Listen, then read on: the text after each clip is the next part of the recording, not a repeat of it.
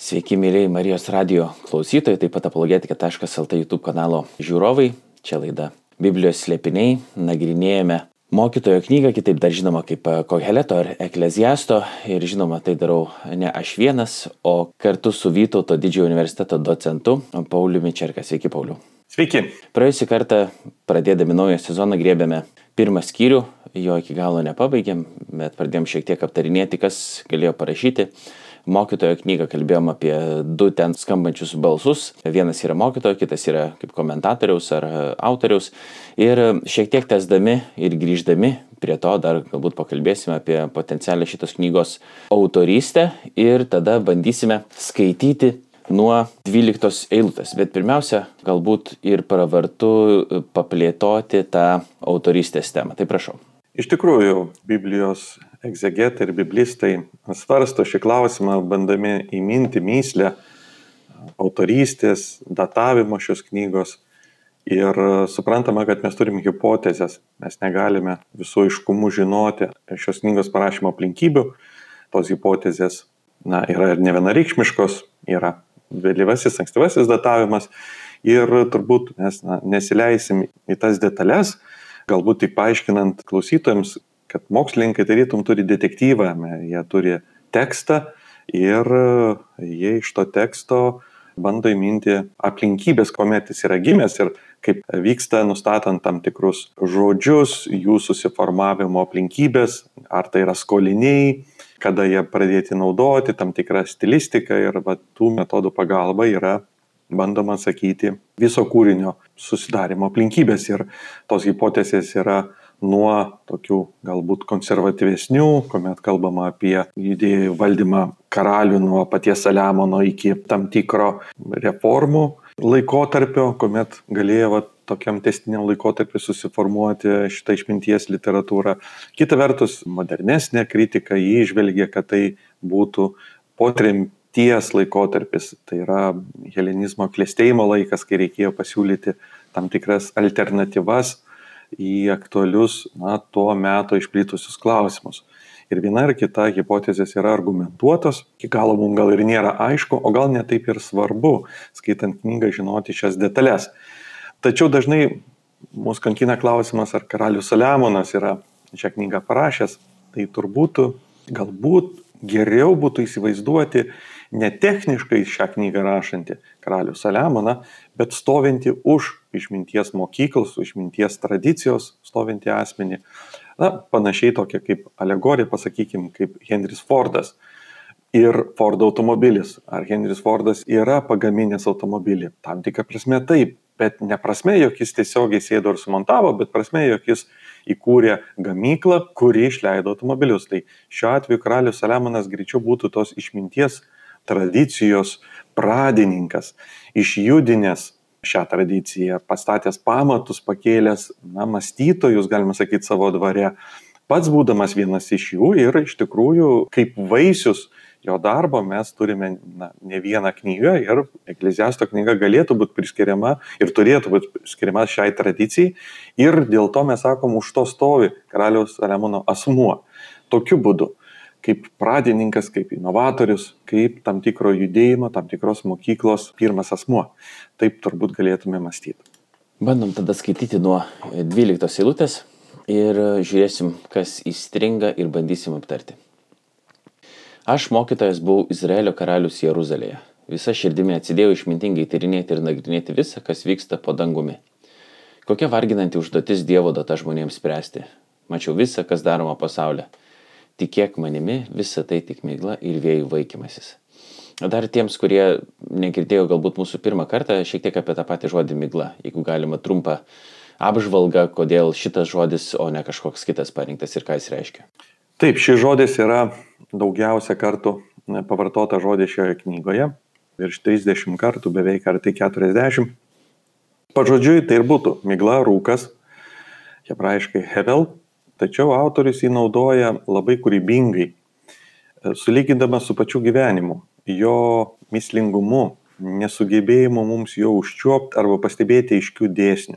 Visos knygos pradinė mintis ir tai, kas bus bandoma pagrysti pavyzdžiais, ir yra tai, kad gyvenimas antiek panašus į tą rūką, jog mums atrodo, jau jau mes suprantam, kaip viskas veikia ir staiga suprantam, kad ne, mes nesuprantam. Jame yra procesai, kurių mes nevaldom, nekontroliuojam, jis nėra pavaldus aiškiai tvarkai.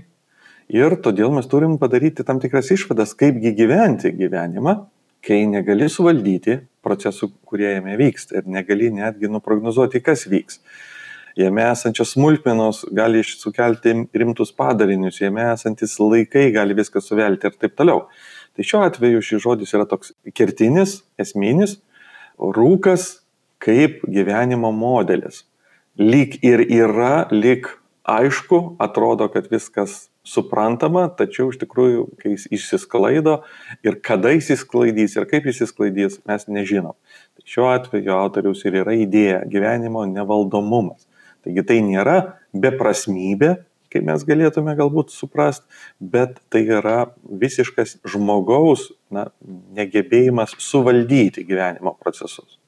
13 eilutė rašoma, visa širdimi atsidėjau išmintingai tyrinėti ir nagrinėti visą, kas vyksta po dangumi. Kokia varginanti užduotis Dievo data žmonėms spręsti. Panašu, kad mokytojas vertina tyrinėjimą ir nagrinėjimą to, kas vyksta šitam pasauliu, kaip Dievo duotą užduotį išeina kaip koks gamtos filosofas, tokių kaip gamtos mokslų dar tada nebuvo, viską jungė filosofija, filosofai visą nagrinėjo, aišku, mes čia galim dabar klausinėti, kada tiksliai filosofija prasidėjo ir e, Tomas Odikė, pavyzdžiui, sako, filosofija yra graikų išradimas, tai išeitų ne žydų. Ne? Bet tokių filosofinių minčių be abejo mes čia sutinkame, aišku, ir e, žiūrėdami šventą raštą, užsiminėmės teologiją, bandydami suprasti, apreikšti į Dievo žodį. Tačiau čia kalbama apie tai, lyg tai kas vyksta Žemėje, nagrinėjimas, tyrinėjimas kažkoks ir tam tikrų išvadų darimas. Ir ta išvada iškart 14 lūtai yra, kad tai yra migla ir vėjų vaikymasis, nors atrodytų, tai yra Dievo duota užduotis žmonėms ir jinai yra labai varginanti. Ir čia turim tokį paradoksą, kuri pati ta knyga yra nemenkai paradoksali, dar prieisim iki pačios pabaigos, pamatysim, kad išvada yra ne ką mažiau stebinanti, išgirdus visą tai, kas turime čia pasakyti, bet kaip reikėtų dabar vertinti šitą vietą, kad tyrinėjimas ir nagrinėjimas visko, kas vyksta pasaulyje, tai yra varginanti Dievo duota užduotis, o pasirodo net ir neverta galbūt čia viską aiškinti, nes viskas yra migla. Taip, kaip Laurinai ir sakai, knyga turi tą filosofinį pagrindą ir, na, turbūt be ne tokį pagrindą jinai turėtų vienintelė. Būtent tas knygos vidurys, ar ne, kuomet autorius pradeda, mes sakėme, atiduoda balsą protui, arba pačiam pamokslininkui, mokytojui, kuris veda mus tyrinėjimo keliu ir vėliau mes grįšim prie išvadų. Išvados jau yra to pirmojo balso, tikėjimo akimis padaromas. Tačiau pats tyrimas yra proto balso ir tai yra filosofijos pamatas - stebėti, nagrinėti, mąstyti, išvelgti iš tikrųjų tam, kam klausytojų filosofija yra na, tokia imponuojanti arba viliojanti, dera iš tikrųjų susipažinti su Ekleziasto knyga ir kartą teko susidurti su jaunimu filosofijos klubu studentų tarpe ir jie skaitydavo įvairias filosofinės knygas savo tarpe ir aš pasiūliau šią knygą ir visai mums sėkmingai gavosi ją perskaityti grinai filosofiniu žvilgsniu, žiūrėti kaip į bet kurią kitą mąstytojo knygą. Iš tikrųjų, šioje knygoje mes va, jau 13 eilutėje, 14-13 sutinkame tą siekį tyrinėti, vėliau mes jį sutiksime dar ne vieną kartą ir, pavyzdžiui, galim pastebėti tokius žodžius. Visą širdim atsidėjau tyrinėti, nagrinėti visą, kas vyksta po saulė arba po dangumi. Mačiau visą, kas daroma, mato, tai tyrinėjau, matau, stebiu, empirinis patyrimas. Antram skyriui, trečioje eilutėje, sumaniau visą ištirti Antram skyriui 11 eilutėje, tuomet apsvarščiau visą, ką mano rankos buvo padariusios. Antram skyriui 12 eilutėje, ėmiausi svarstyti.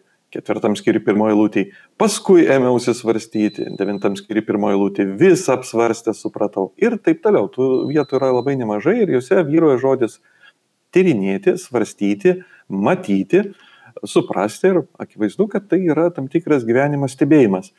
Tačiau tai nėra na, gamtos filosofija stebima yra ne pati gamta, šiuo atveju yra stebimas gyvenimas, taip kaip jis vyksta ir bandoma iš to gyvenimo padaryti kažkokią tai logiką ar ne, kažkokią tai prasme.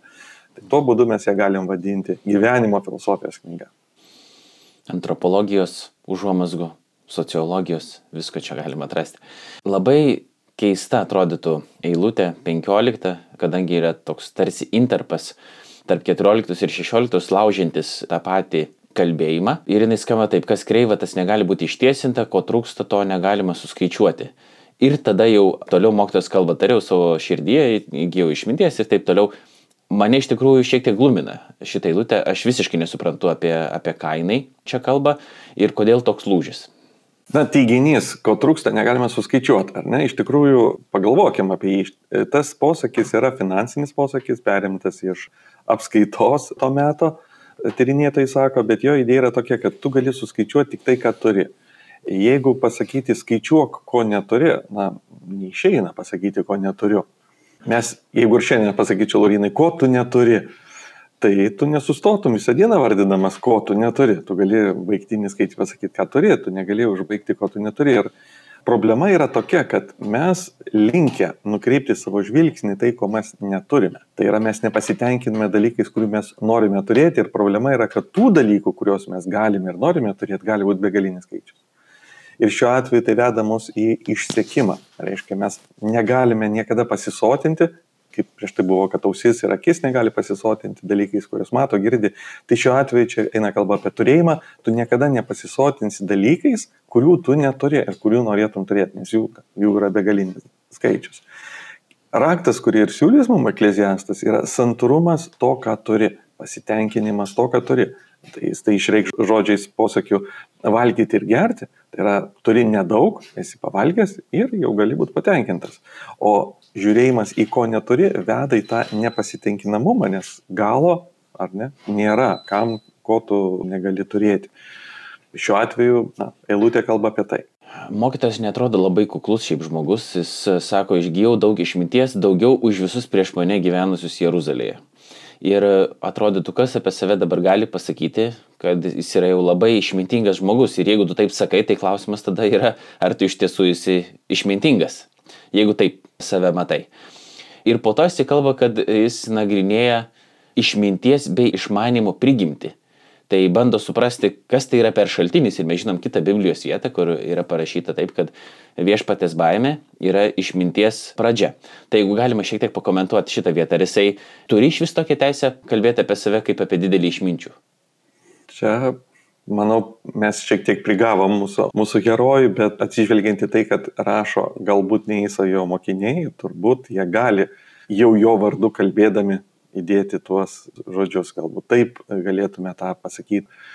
O pačią išmintį šiek tiek šitoj knygoje, Ekleziasto knygoje išmintis yra, na, ne visai ta išmintis, kurią mes sutinkame likusi išminties literatūroje, ta dievo baiminga išmintis. Šiuo atveju čia yra išmintis kaip žinojimas, kaip vyksta gyvenimas. Ir šiuo atveju atrodo knyga mus turės nuvilti arba na, tokį lūkestį mumise, kad mes galim įminti gyvenimo mislės, turės nuvilti, jog paaiškės, kad gyvenime yra tiek procesų, kad jų mes įminti taip, kad juos suvaldyti negalim. Jie gyvenimo pasaulio išminti. Ne tą Dievo baimingą išminti, kaip gyventi Dievui, bet išminti, kaip valdyti gyvenimo procesus. Tai čia turbūt apie tą išmintį eina kalba. Ir šiaip būtų galima bandyti kažkaip pateisinti mokytoją ir tokius žodžius labai per šio laikinį kontekstą. Tai prisimenu tokį pavyzdį, jeigu kas nors veda kokius nors mokymus, pavyzdžiui, juose tenka dalyvauti, tai tas, kuris tos mokymus veda, turi pristatyti savo patirtį, kam jisai vadovauja, ar jinai iš kur jinai iš vis yra apskritai verta to asmens klausyti. Tada turi pristatyti savo mokslinius laipsnius, ką yra pabaigęs, kiek turi patirties ir turi sakyti, va, žiūrėkit, aš esu pakankamai turintis daug patirties, esu išmintingas ir išmanau šitą sritį, dėl to jūs manęs dabar klausykit, nes kitu atveju, ką mes čia veikiam, galėtumėm savęs klausti, kodėl man tavęs reikėtų klausyti. Tai čia gali būti ir tam tikra tokia retorinė technika, ne kad mokytas sako, štai, aš dariau visus šitos dalykus, aš žinau apie ką kalbu, esu įgyjęs tos praktinės gyvenimo išminties ir aš galiu autoritetingai kalbėti apie šitą dalyką dėl to, kad aš tos patirties turiu. 18 eilutė baigėsi šitas skyrius ir jis skamba taip, juk su didelė išmintimi ateina daug rūpešių, juo daugiau žinai, juo daugiau kankiniesi. Čia toks tarsi ir netgi yra patekę į folklorą mūsų, ar ne, kad kvailys dažnai būna laimingesnis ir iš tikrųjų, kuo daugiau žinai, tuo daugiau kankiniesi.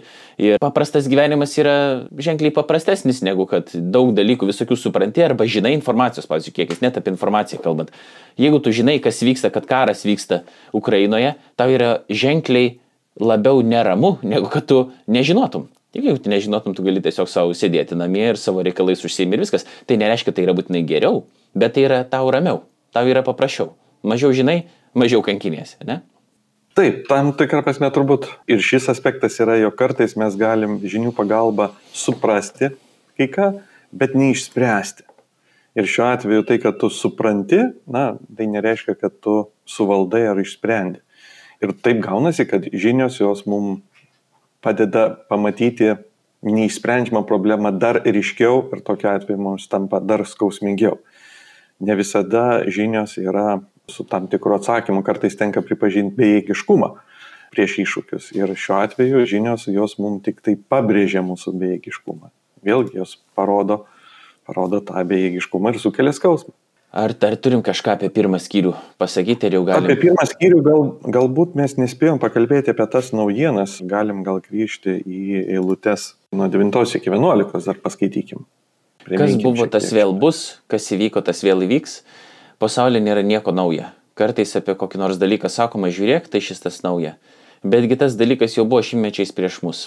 Kaip dabar netmenama buvusių dalykų, taip ir ateities dienomis būsinčių dalykų netmins vėliau gyvensintis žmonės jeigu užvedant ant kelio kažkokio diskusinio, galima klausti taip, polemizuojant šiek tiek. Mes vis dėlto esame mokomi ir taip suprantame, kad biblinis laikas yra linijinis laikas. Yra dalykų pradžia ir yra dalykų pabaiga.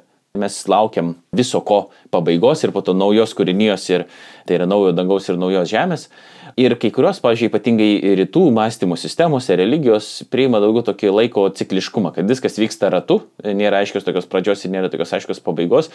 Ir devinta eilutė turėtų šiek tiek tada gluminti, ne, kaip jinai telpa tada į tą biblinį naratyvą ir linijinę laiko sampratą, kai čia labiau yra panašu į kažkokį tokį uždarą ratą dalykų besikartojimo nuolatinio. Na taip, jeigu mes stebėtume gyvenimą, mes aiškiai matom, kad pagrindiniai dalykai jame kartojasi. Ir jeigu nebūtų to bendrumo, bendrumo tarp praeitų kartų ir dabartinių kartų, mums būtų nebeįdomu skaityti anksčiau prašytas knygas, dramas išgyventi. Daug dalykų mums tai būtų labai svetima, jeigu gyvenimas nuolat keistųsi.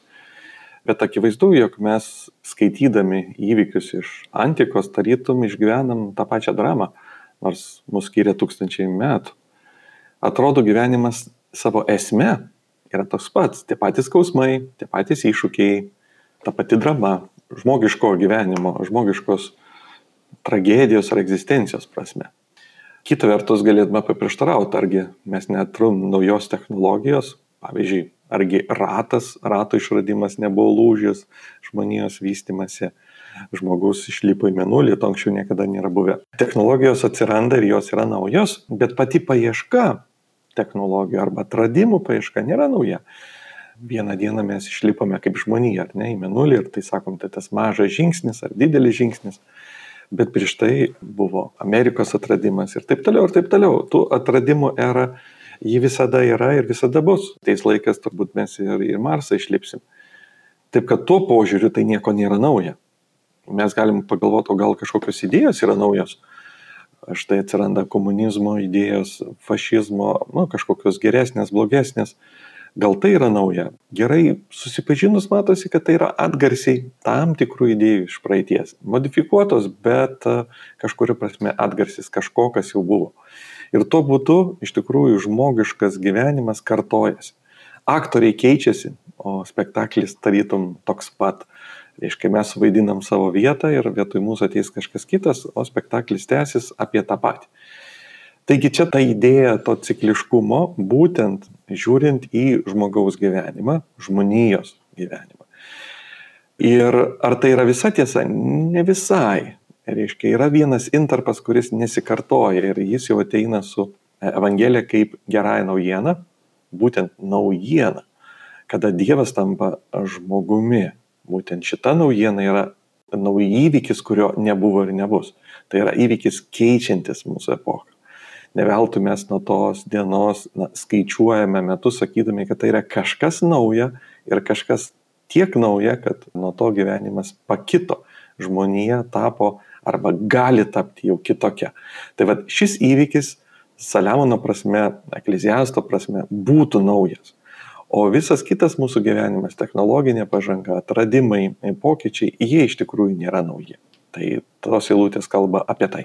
Dar galbūt būtų galima sakyti, kad vienas kitam neprieštarauja, nes yra akivaizdu, kad vyksta tam tikras cikliškumas, keičiasi metų laikai, bent jau, sakykime, mūsų ten, kur mes esame, mūsų pasaulio dalyje. Šiandien mes valgom ir rytoj valgysime, į Dievas duos einam į darbus rytoj teks tą patį daryti. Iš principo yra tokie momentai gyvenime, kurie nuolat kartojasi, bet tai nereiškia, kad istorija neturi pradžios ir neturi tam tikros pabaigos arba atbaigos, būtų galima sakyti kažkokio išsipildymo tos istorijos. Ir kaip ir minėjote, yra tas įdomus momentas, kad vis dėlto tai, kas buvo rašyta prieš kelis tūkstančius metų, tie egzistenciniai klausimai ir atsakymų juos paieškos, jos yra visiškai tokios pačios, kaip buvo tada Taip yra ir šiandien. Dėl to Biblija, kaip literatūros raštų rinkinys, yra aktuali ir šiandien. Ne tik ta prasme, kad tai yra mums kaip krikščionis, mes žvelgime ją kaip į Dievo įkvėptą žodį, bet tuo pačiu ir vien tik kaip literatūra, kaip gera literatūra, jinai aktuali tebėra šiandien, dėl to, kad jinai sprendžia tos pačius klausimus, kuriuos mes sprendžiam šiandien. Gerai, čia nėra dar važinėjama automobiliais, ar nėra socialinių medijų, ar dar kažko, ne, bet iš principo keičiasi tik tas, šiek tiek keičiasi pats kontekstas dėl technologinės pažangos. Bet e, tie klausimai lieka absoliučiai tokie patys ir dėl to skaitydami mokytojo knygą galime ir šiandien gauti išminties, tokios kaip ir tuometinis skaitytojas. Taip, ir pavyzdžiui, dar dėl tos lininės laiko koncepcijos, na, iš tam tikrą prasme krikščioniškų požiūrių suprantam, kad yra sukūrimas ir viso ko užbaigimas, bet tai nėra visiškai tas linijinis procesas. Taip kaip būtų na, mūsų laikas, vat, bėgantis metai linijų proceso prasme. Ir kartais mes vat, sukūrimą arba pradžią įsivaizduojam kaip įvykį vykusi seniai, seniai, seniai praeitie. Kitaip tariant, mes jį nukeliam į savo erdvę ir laiką įsivaizduojam, kad kažkokia būtybė labai galinga, būdama viena ir tuščia, jinai staiga paima ir nusprendžia praturtinti savo aplinką ir sukuria pasaulį ir tame pasaulyje toliau tebe gyvena. Toks, na, kartais stereotipinis supratimas yra, kad sukūrimas įvyko kažkada, kažkada, kažkada labai labai seniai, tarytum kaip procesas, kurį mes dar galim netgi iš dabar stebėti ir nagrinėti. Tai iš tikrųjų krikščioniško sukūrimo koncepcija yra tokia žymiai sudėtingesnė. Tai nėra praeities įvykis, jis nėra įvykis mūsų visatoje. Jis yra už jos ribų. Būtent dėl to įvykio gimsta visata. Jis yra už laiko ir erdvės ribų, transcendentinis įvykis. Todėl mes nekalbam apie jo pasibaigimą jis yra iš amžinybės kylantis įvykis, kurio dėka esame mes. Greičiau mes galime kalbėti apie sukūrimą kaip kurėjo ir kūrinio santyki, kuris vis dar tebesitėsi. Dėl to kuriejas nenustoja būti kurėjų ir kūrimas yra procesas, kuriame mes vis dar dalyvaujame, bet šiuo metu jau esame kaip to kūrimo bendra dalyviai, ar ne? Tokiu būdu galima pasakyti, kad jis vystosi ir nėra nustojęs. Tai va čia tiesiog kalbant apie tą mūsų pradžią, nereikėtų jos įsivaizduoti kaip tokio, na, va kartais įsivaizduom kaip Big Bango įvykį, čia va yra sukūrimas. Mums taip lengviau, bet iš tikrųjų krikščioniškas supratimas yra gilesnis ir sukūrimą iškelia už mūsų erdvės, ar ne, į transcendenciją. Tai yra ten, kome yra Dievas amžinybėje. Tai yra jo veiksmas. Na, jis neveikia laikė, jis veikia amžinybėje. Sukūrimas savo žodžiu na, yra iš tos amžinybės, iš kurio atsiranda iš to žodžio atsiranda vat erdvė ir laikas. Taigi Dievas nėra nei erdvėje, nei laikė. Čia toks pamastymas apie pradžią, mhm. taigi tai nėra toks cikliškas dalykas ir natūralu ir apie pabaigą, apie tai dėrėtų mąstyti, suvokiant, kad kokia yra mums sunkiai suprantama ta pradžia, kuri nesibaigia. Aišku, čia daug nesinori plėstis, bet vis tiek kažką darysiu pasakyti. Atrodytų, aš kaip ir suprantu, ką sakot šitoje vietoje ir čia neina nesutikti, kita vertus, jeigu mes kalbam apie pradžią, jinai kažkokia buvo. Tik tiek, kad reikalas yra toks, kad mes negalim jos taip tiesiogiai dabar išnagrinėti, pastebėti, yra tam tikri teoriniai modeliai dėliojami, kaip viskas galėjo prasidėti, bet tu grinai moksliniam priemonėm niekaip mes negalim tos prieš visatą kabutės, jeigu taip galėtum sakyti, kas buvo prieš visatą, mes to negalim nei stebėti, nei tyrinėti, nei, nu, dėl to, kad tai yra nelaikė, nerdvėje vykęs įvykis. Ir dėl to lūšta mūsų protas, kadangi čia mes jau galim, nu, teologiškai, filosofiškai kaip svarstyti, bet mes nesugebam apsvarstyti amžinybės ir mes nesugebam apsvarstyti kažko nelaikė, nu mums neišeina. Mes neturim tiesiog tokio gebėjimo. Irgi, sakyčiau, tas tam neprieštarauja, jeigu mes kalbame apie tą linijinį laiką, kai buvo kažkada pradžia, tai reiškia, buvo duota pradžia ir netgi pradžios knygai ne, yra rašoma. Pradžioje buvo tas kaž, kažkokia pradžia buvo. Kaip dabar jinai tiksliai ten atrodė, tie teoriniai modeliai yra dėliojami, bet Tai nebuvo, sakykime, nuolat toks įsukimas, sukimas, kažkokia pradžia buvo duota. Dievas davė tą pradžią, jisai yra prieš visus šitos dalykus, prieš visatą, bet prieš tai kabutėsi, man atrodo, Bilas Kreigas vartoja tokį žodį kaip ontologinis laikas, jeigu aš dabar neklystu, bet iš esmės, kad tai yra kitoks laikas, nes mes kai sakom prieš, tai turime omeny, vat, sakykim, vat, nu, prieš dvi minutės, prieš penkias minutės, prieš penkias minutės ir tada po penkių minučių buvo sukurta visata, nes visiškai koncepcija yra absoliučiai kitokia to Dievo egzistavimo, bet jis yra ontologiškai prieš visatą ir tada mes jau nebesugebam apsvarstyti tiksliai, kaip tas dalykas įvyko, bet galim sakyti, kad taip, Dievas davė visam kam pradžią, o su visata prasidėjo laikas, erdvė ir tokie dalykai, kokie yra mums pažįstami, kuriuose dabar mes, sakykime, esame ir, ir svarstome. O tada jau yra kita ta koncepcija, ar Dievas sukūręs visatą jau dalyvauja kažkaip laikė, ar ne. Ir čia vyksta dar teologinė diskusija, kiek aš supratau, nors aišku, bent jau klasikinėme teisme tai jisai nebūtų. Jis yra virš laiko. Jo, virš jis yra virš laiko, o jis nėra, kad laike dalyvautų kažkaip tai arba mhm. būtų labai labai ilgas laikas jam, jis yra tiesiog virš laiko, būtent koks jis buvo kuriant, toks jis ir liko. Laikas yra jo kūrinys, taip, jis nėra pavaldus savo kūrinį. Ar, nu, toks yra klausimas, pavyzdžiui, ir dabar, kai mes laidai rašinėjom, yra po 8.39. Ar Dievas žino, kad dabar yra po 8.39, o po 8.40 jis žinos, kad yra po 8.40? Čia sunkus klausimas, nors jis labai naivus atrodo ir paprastas, bet iš tikrųjų filosofiškai jis yra sunkus, nes reiktų mums tada kalbėti, ką Dievas žino, koks yra Dievo pažinimas ir kai Dievas žino viską, kas patenka į tą viską. Dar aš paklausiu, Pauliu, šitą vietą. Jeigu Dievas, kaip tas teiginys, kad Dievas žino kiekvieną teisingą teiginį? Sakyk, vat, jeigu dabar teisingas teiginys yra, kad yra 8.40 jau dabar, tai Dievas šitą dalyką žino. Jeigu žolė yra žalia, tai Dievas žino, kad žolė žalia yra. Kad Paulius egzistuoja, Dievas žino tokius dalykus. Bent jo, jau. Dievas žino teisingus ir galimai teisingus teiginius, potencialiai teisingus teiginius. Visus įmanomus. Čia jo įmanomus, galimus ir tikrus. Ir dėl to jo pažinimas apima tiesas, kurios yra tikros, tos, kurios galimos ir tos, kurios yra na, potencialios, įmanomos, potencialios.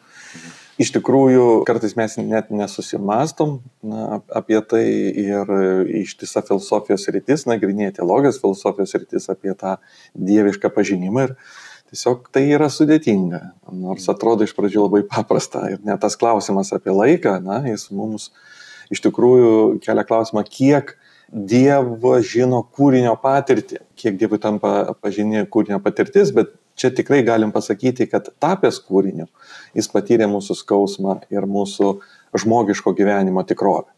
Tokiu būdu nekyla jokių abejonių, kad prisėmęs mūsų prigimti, jisai patyrė tai, ką mes patiriame. Todėl antras trybės asmuo yra vadinamas galestingu vyriausiojo kunigu, galintis užjausti mus, nes yra, jis yra tapęs vienu iš mūsų. Tai tuo mes galim save sustiprinti ar paguosti kad jam žmogiškas gyvenimas nėra svetimas, nes jis pats tapo žmogumi. Aš atsimenu bakalauro studijose, kai teko likti skaityti Augustino kažkurį darbą pirmą kartą ir jis ten svarstė apie laiką. Buvau priblokštas ir toks ir nuostaba mane didelė apėmė, nes aš niekada nebuvau tai pasvarstęs kad kas yra iš esmės laikas. Ir man atrodo, Augustinas ir sako, kad jeigu manęs niekas neklausia, aš žinau, o jeigu paklausia, aš nesugebu paaiškinti. Tai čia mes toliau vystydami tą filosofinę temą ir sėdami ją kažkaip su mokytojo knyga ar iš mokytojo knygos gaudami tam tikrų filosofinių minčių, atrodo tokius paprastus dalykus, jeigu mes giliau apsvarstome, jie tampa tokie absoliučiai nekasdieniški. Tada atrodo pradeda tarsi saugikliai perdeginėti galvoje ir kai mes svarstom įvairius dalykus, kurie egzistuoja pasaulyje, o ką jau be kalbėti apie tai, kai mes pradedam svarstyti apie Dievą, bet taip atrodo ir plečiam tą savo mąstymą, kažkuris krikščionių mąstytojas yra pasakęs, kad geriausias būdas išplėsti savo mąstymą, jį ugdyti yra mąstyti apie Dievą, apie tobulybę ir tad taip tas mąstymas plečiasi. Nu, Tai toliau tą ir darom, pabandom paskaityti bent jau porą eilučių antros skyriaus mokytojo ir jau judėsime prie laidos pabaigos. Antras skyrius pirmą eilutę tariau, širdyje, puiku, leisiu savo mėgautis malonumais. Paragauk malonumų, bet tikėk manimi tai buvo migla. Apie juoką sakiau kvailystę, apie džiaugsmą, kas iš to.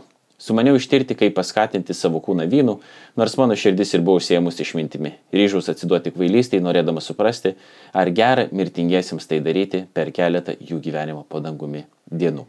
Tai ta kvailystės tema galbūt ir užbaigim šiandienos laidą.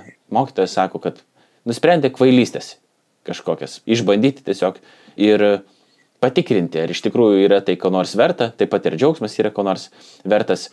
Bet sako vėl, apie juoką sakiau kvailystę, apie džiaugsmą kas iš to ir visa tai buvo migla. Taip, jis e, atlieka eksperimentą. Būtent tas žodis išbandyti galima pasakyti kaip eksperimentuoti. Ir eksperimentais atlieka su malonumu. Bandydamas įaiškinti, kas tai yra, kiek to yra, kaip tai veikia, kaip šiandien būtų mokslinis eksperimentas gamtinis kažkoks, įsiaiškinti tam tikrus dėsnius, tai šiuo atveju jis daro na, psichologinį, sociologinį, kaip mes reaguojame į malonumą, kas tas yra. Ir jisai bando maksimizuoti malonumo, bandydamas na, atsakyti, galbūt tai yra žmogiškos egzistencijos atsakymas, gal tai yra geriausia, kas galim turėti. Ir kaip žinia, įvairios filosofinės mokyklos irgi laikėsi nuostatų, kaip viena pakankamai žinomo apikūro mokykla, kurią mes vadinam hedonizmu. Tai yra požiūris, reiškia, kad malonumas yra pats svarbiausias dalykas. Bet ir įdomu yra tai, kad epikūras, mąstydamas apie malonumą, mąstydamas apie, sakykime, ką mes galime pasiekti, maksimizuoti šitą malonumą kaip gyvenimo pagrindinį, na, tokį rodmenį, suprato, kad santūrus gyvenimas yra maksimaliai malonus. Dažnai mums atrodo, kad malonumo daugiausia yra ten, kur daugiausia prabangos, ten, kur daugiausia yra tos šventimo, pokelių, gero tokio lengvo gyvenimo, bet iš tikrųjų pasirodo intensyviausiai malonumai išgyvena tie, kurie gyvena santūro gyvenimą. Tada vanduo yra saldus, saldesnis už bet kokią, sakykime, cukrų. Kai tu turi nedaug, ir tu esi patenkintas tuo, tai tas nedaug tave nudžiugina daug stipriau negu perteklius prabangos, kuomet jin tave išsekina ir tu nori dar ir dar ir dar daugiau. Ar ne? Tai jau tą dėsnį pastebėjo ir epikūras, mąstydamas apie malonumą ir galvodamas, kur jo yra daugiausia, jis atrado būtent, kad jo daugiausiai yra ten, kur daiktų nėra tiek daug, kur yra santūrus gyvenimas. Panašias išvadas prieina ir ekleziastas, nusivylęs prabangą, jog ji nemaksimizuoja to malonumo. Priešingai, išsekina. Ir džiaugsmas, kai nėra geros priežasties, nėra toks ir džiaugsmas. Džiaugsmas yra gerai, kai tu turi dėl ko džiaugtis. O jeigu tu vien išprovokuoji džiaugsmą ir linksmybės, kai nėra tam pagrindo, jos iš ties, na, mus sekina. Jos mus jaudrina, bet mūsų nepasotina. Tai tokios mintis būtų apie jo eksperimentą, kurį jis atliko su malonumu. Dabar vatiršint su šiandienos situacija ir konkrečiai socialinėmis medijomis ir tyrimai daryti ir jau moksliškai galima, sakykime, nagrinėti, kas smegenyse vyksta, stebėti, kaip tie neuronai šaudo, kokias cheminės reakcijos, kas gaminasi, kokie produktai mūsų kūne. Ir padarytos tokios išvados, ne ir suprasta, kad kai tu patiri malonumo tam tikrą kiekį ir tas pirštų braukimas ir žiūrėjimas vis naujų kažkokių naujienų, filmukų ir taip toliau, tai išleidžia tam tikrus nelaimės tokius hormonus, mes džiaugiamės, mums patinka ir vis laukiam naujo tam tikro dalyko, bet bėda yra kokia, kad kitą kartą, kad mes jau galėtum patirti tą patį vėl džiaugsmą, kažkokį pasitenkinimą, vadinkim taip, mums reikia daugiau. Ir kiekvieną kartą mums reikia vis daugiau, daugiau, daugiau, daugiau, daugiau, daugiau, daugiau. Ir tas labai vargina, dėl to, kad tu turi daugiau laiko sėdėti, vis ieškoti naujo kažko. Ir e, teko man žiūrėti tokį filmuką, kaip žmogus aiškina, kaip jis pats susitvarkė su tuo, kad galėtų rasti kažkiek džiaugsmų mokydamasis, rašydamas darbus, skaitydamas knygas ir panašiai. Tai atrodytų paradoksalu, bet tam, kad tu tai galėtum padaryti, reikia patirti nemažai nuobodulio. Ir kai tu patiri nuobodulio nemažai, tada tau užtenka paimti, paskaityti knygą vieną lapą ir tai jau suteikia tau labai daug džiaugsmo. Nes ir kitas dalis, tas nuobodulys tau šiek tiek suteikia tokio kūrybiškumo, ką daryti. Bet jeigu tu nuolat patiri visą laiką esi tame, vadinkim taip, aukštumoje, nebūtinai gerąją prasme, tu turi vėl ieškoti kažko naujo, naujo, naujo, naujo ir tas labai išvargina. Ir Michaelas Ramsdinas, toks ir šiandien mąstytojas, jeigu aš neklystu, jis taip sakydavo, kad iš tikrųjų išsiekimas ar didysis nuovargis ateina ne iš skausmo potyrio, bet iš malonumo. O dažnai krikščionys yra kaltinami tuo, sakydami, pažiūrėjau, kad jeigu Dievas yra geras, kodėl yra tiek skausmo pasaulyje, iš tikrųjų tai Dievas turėtų sutikti labai daug malonumo visiems. Ir čia mes pastebime, kad vis dėlto, nors ir atrodytų paradoksalu, nebūtinai yra taip, kad tas nuolatinis malonumo potyris gali ženkliai labiau išvarginti, negu tam tikro dalyko nugalėjimas, ar netgi nuobodulio patyrimas, ar džiaugsmas turit labai nedaug. Taip, pritariu tą Loriną ir, reiškia, tas mažiau yra daugiau idėja, kuri daug kartų bus mūsų girdima ir skaitant ekleziastą, kaip tam tikrą pasitenkinimą mažume arba pasitenkinimą tuo, ką turi, o nenukreipimą žvilgsnio į tai, ko neturi. Vat kaip ir Laurinai paklausėte klausimą, apie ką jis kalba, kai kalba apie tai, ko negali suskaičiuoti. Būtent tas nukreipimas, vaikimasis to, ko neturi, jisai tarytum kurį laiką mūsų sujaudina, bet ilgalaikį perspektyvą išsekina. Tai ir šiuo atveju tas ir bandymas su malonumu. Jį tarytum gali maksimizuoti, bet pasirodo, kad laimingiausias žmogus, kai jis pasitenkina mažais dalykais. Tas intensyvumas malonumo iš tikrųjų pas jį yra stipriausias. Nors daiktų na, nėra daugiausia. Ir šiuo atveju, kalbant taip pat apie tą laimės hormoną arba dopaminą, nu, jį galima dirbtinai iššaukti, tačiau ilgalaikėj perspektyvoj tai nėra sveika. Daug geriau, kai jis yra pagristai, mūsų organizmas jį pagamina, ar ne, kai yra dėl ko džiaugtis, kai mes ne tik išprovokuojam, apsisvaiginam save ar dar kažkaip iššaukiam tą būseną, bet kai mes kažką nuveikiam ir sakom, wow, mums pavyko, mes nugalėjom. Ir tokiu atveju tai yra daug sveikesnis džiaugimasis gyvenimo, kai tu na, matai kažką, džiaugiesi kažko. Apie tą kalbės ir ekleziastas, sako, džiaugtis savo darbo. Kitaip tariant, jei kažkas pavyko, jau yra pagrindas džiaugtis. O ne liūdėti už tai, kad dar gali ko siekti, siekti ir siekti. Reiškia, tas nukreipimas į nesuskaičiuojamą erdvę. Vietoj to pasitenkinti dalykais, kuriuos jau pavyko nuveikti. Ir tai atrodo taip logiška, nes viena vertus apetitas kyla bevalgant ir tų dalykų, kurių tu neturi, jų visada bus, nesvarbu, kiek tu turėsi, visada tu, niekada neturėsi visko. Ir jeigu tu norėsi turėti viską, tu būsi amžinai nelaimingas. Bet e, kas yra įdomiausia, kad nors ir tai suprantant, vis dėlto labai daug ko norisi.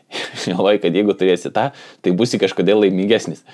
Bet e, čia jau paliksim aptarimą kitai laidai. Dėkuoju visiems, kurie buvote kartu su mumis. Kalbėjomės dviese, kaip visada, Vytauto didžiojo universiteto docentas Paulius Čerka ir aš, Laurinas Jacevičius, apologetika.lt įkurėjas. Klausėtės laidos Biblijos slėpiniai Marijos radio eterija, taip pat jie galite pamatyti, tai yra apologetika.lt YouTube kanale, kurį beje raginu užsiprenumeruoti. Dar kartą ačiū visiems, iki kitų susitikimų ir sudėv. Sudėv.